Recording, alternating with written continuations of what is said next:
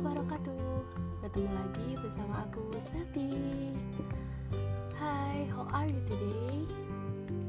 I hope we always happy in every day. Kesempatan kali ini aku akan membahas tentang materi yang judulnya The Rice Model Dynamic Self Determination of Self-Care. Sebelum mulai, baca bismillah dan siapkan kertas untuk mencatatnya ya. Bismillahirrahmanirrahim.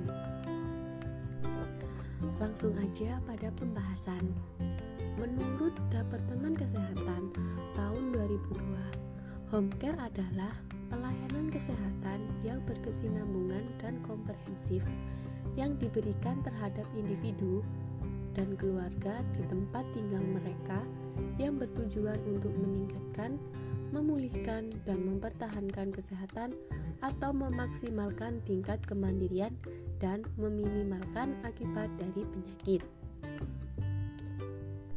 Jadi, home care ini itu pelayanan kesehatan yang diberikan kepada individu dan keluarga yang eh, prosesnya itu dilakukan di tempat tinggal mereka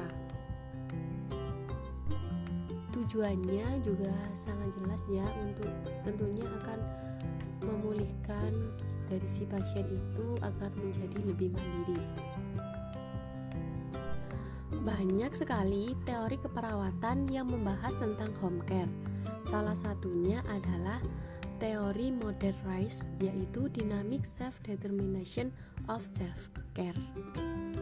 Yang artinya adalah bahwa pasien diberikan kebebasan untuk menentukan pilihannya dalam merawat dirinya sendiri guna menjaga keseimbangan kesehatan mereka sendiri.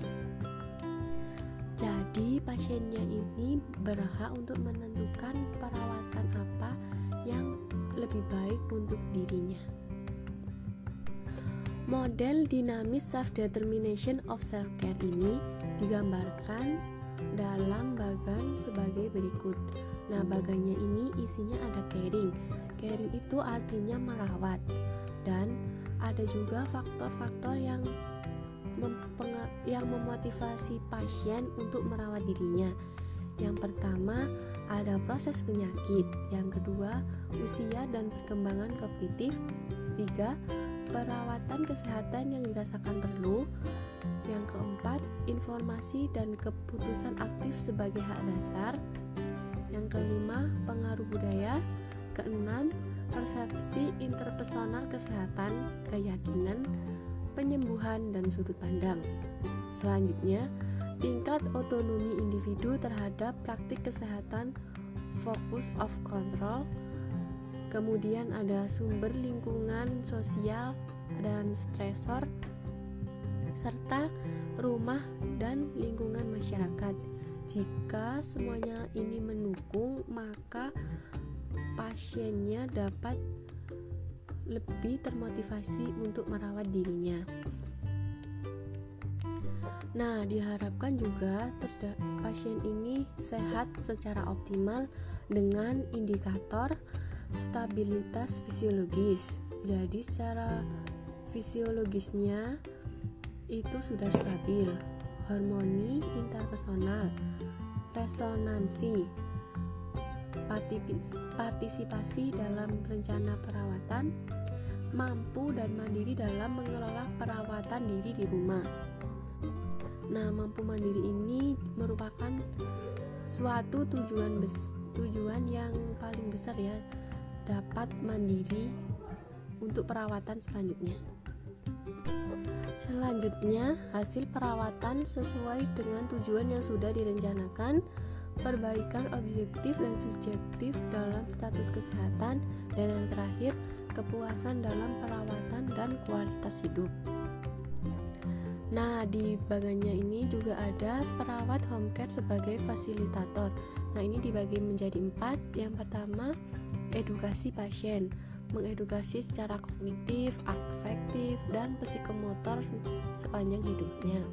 Kemudian, arsitektik spiritual komuni, antara lain mengetahui kesehatan melalui seni, alternatif dan komplementer terapi, dan yang terakhir, merasakan kesadaran diri, kepercayaan, harapan, dan cinta. Untuk yang ketiga, advokasi pasien, yaitu holistic caring yang mengatasi baik dari segi bio, sosio, spiritualnya mengenal dan menghargai nilai sosial kultural memberikan dukungan terhadap pengasuh dan keluarga, pertimbangan legal etik standar praktik keperawatan profesional. Yang keempat, manajemen kasus. Menilai, melaksanakan koordinasi dan atau mengevaluasi perawatan dengan pasien atau pengasuh dan tim multidisiplin mengaktifkan persediaan medis, peralatan, dan sumber daya komunitas yang tersedia. Penghubung untuk berbagai kebutuhan perawatan kesehatan, quality control, dan kepemimpinan dan serta teamwork. Untuk memenuhi kebutuhan keperawatan atau intervensi disepakati bersama-sama antara pasien dan juga perawat. Ada juga tiga tahapan hubungan caring antara perawat, pasien, dan caregiver. Yang pertama ini adalah dependent. Dependent artinya sebagian besar perawatan pada pasien dilakukan oleh pengasuh atau si perawat ini. Kemudian memberikan pelayanan kesehatan dan memberikan pengetahuan serta melatih klien untuk merawat dirinya. Yang kedua, tahap kedua ada interdependent. Artinya pasien dan atau pengasuh pasien sudah mulai memiliki pengetahuan serta keterampilan dan kepercayaan diri untuk melakukan perawatan secara mandiri tetapi masih dibimbing oleh perawat home care. Yang ketiga, independen ini artinya pasien dapat melakukan perawatan secara mandiri, baik dari segi aktivitasnya. Bagaimana? Apakah sudah ada tambahan pengetahuannya? Semoga ada ya. Untuk yang selanjutnya yaitu the dynamic self determination for self care memiliki beberapa permis sebagai berikut.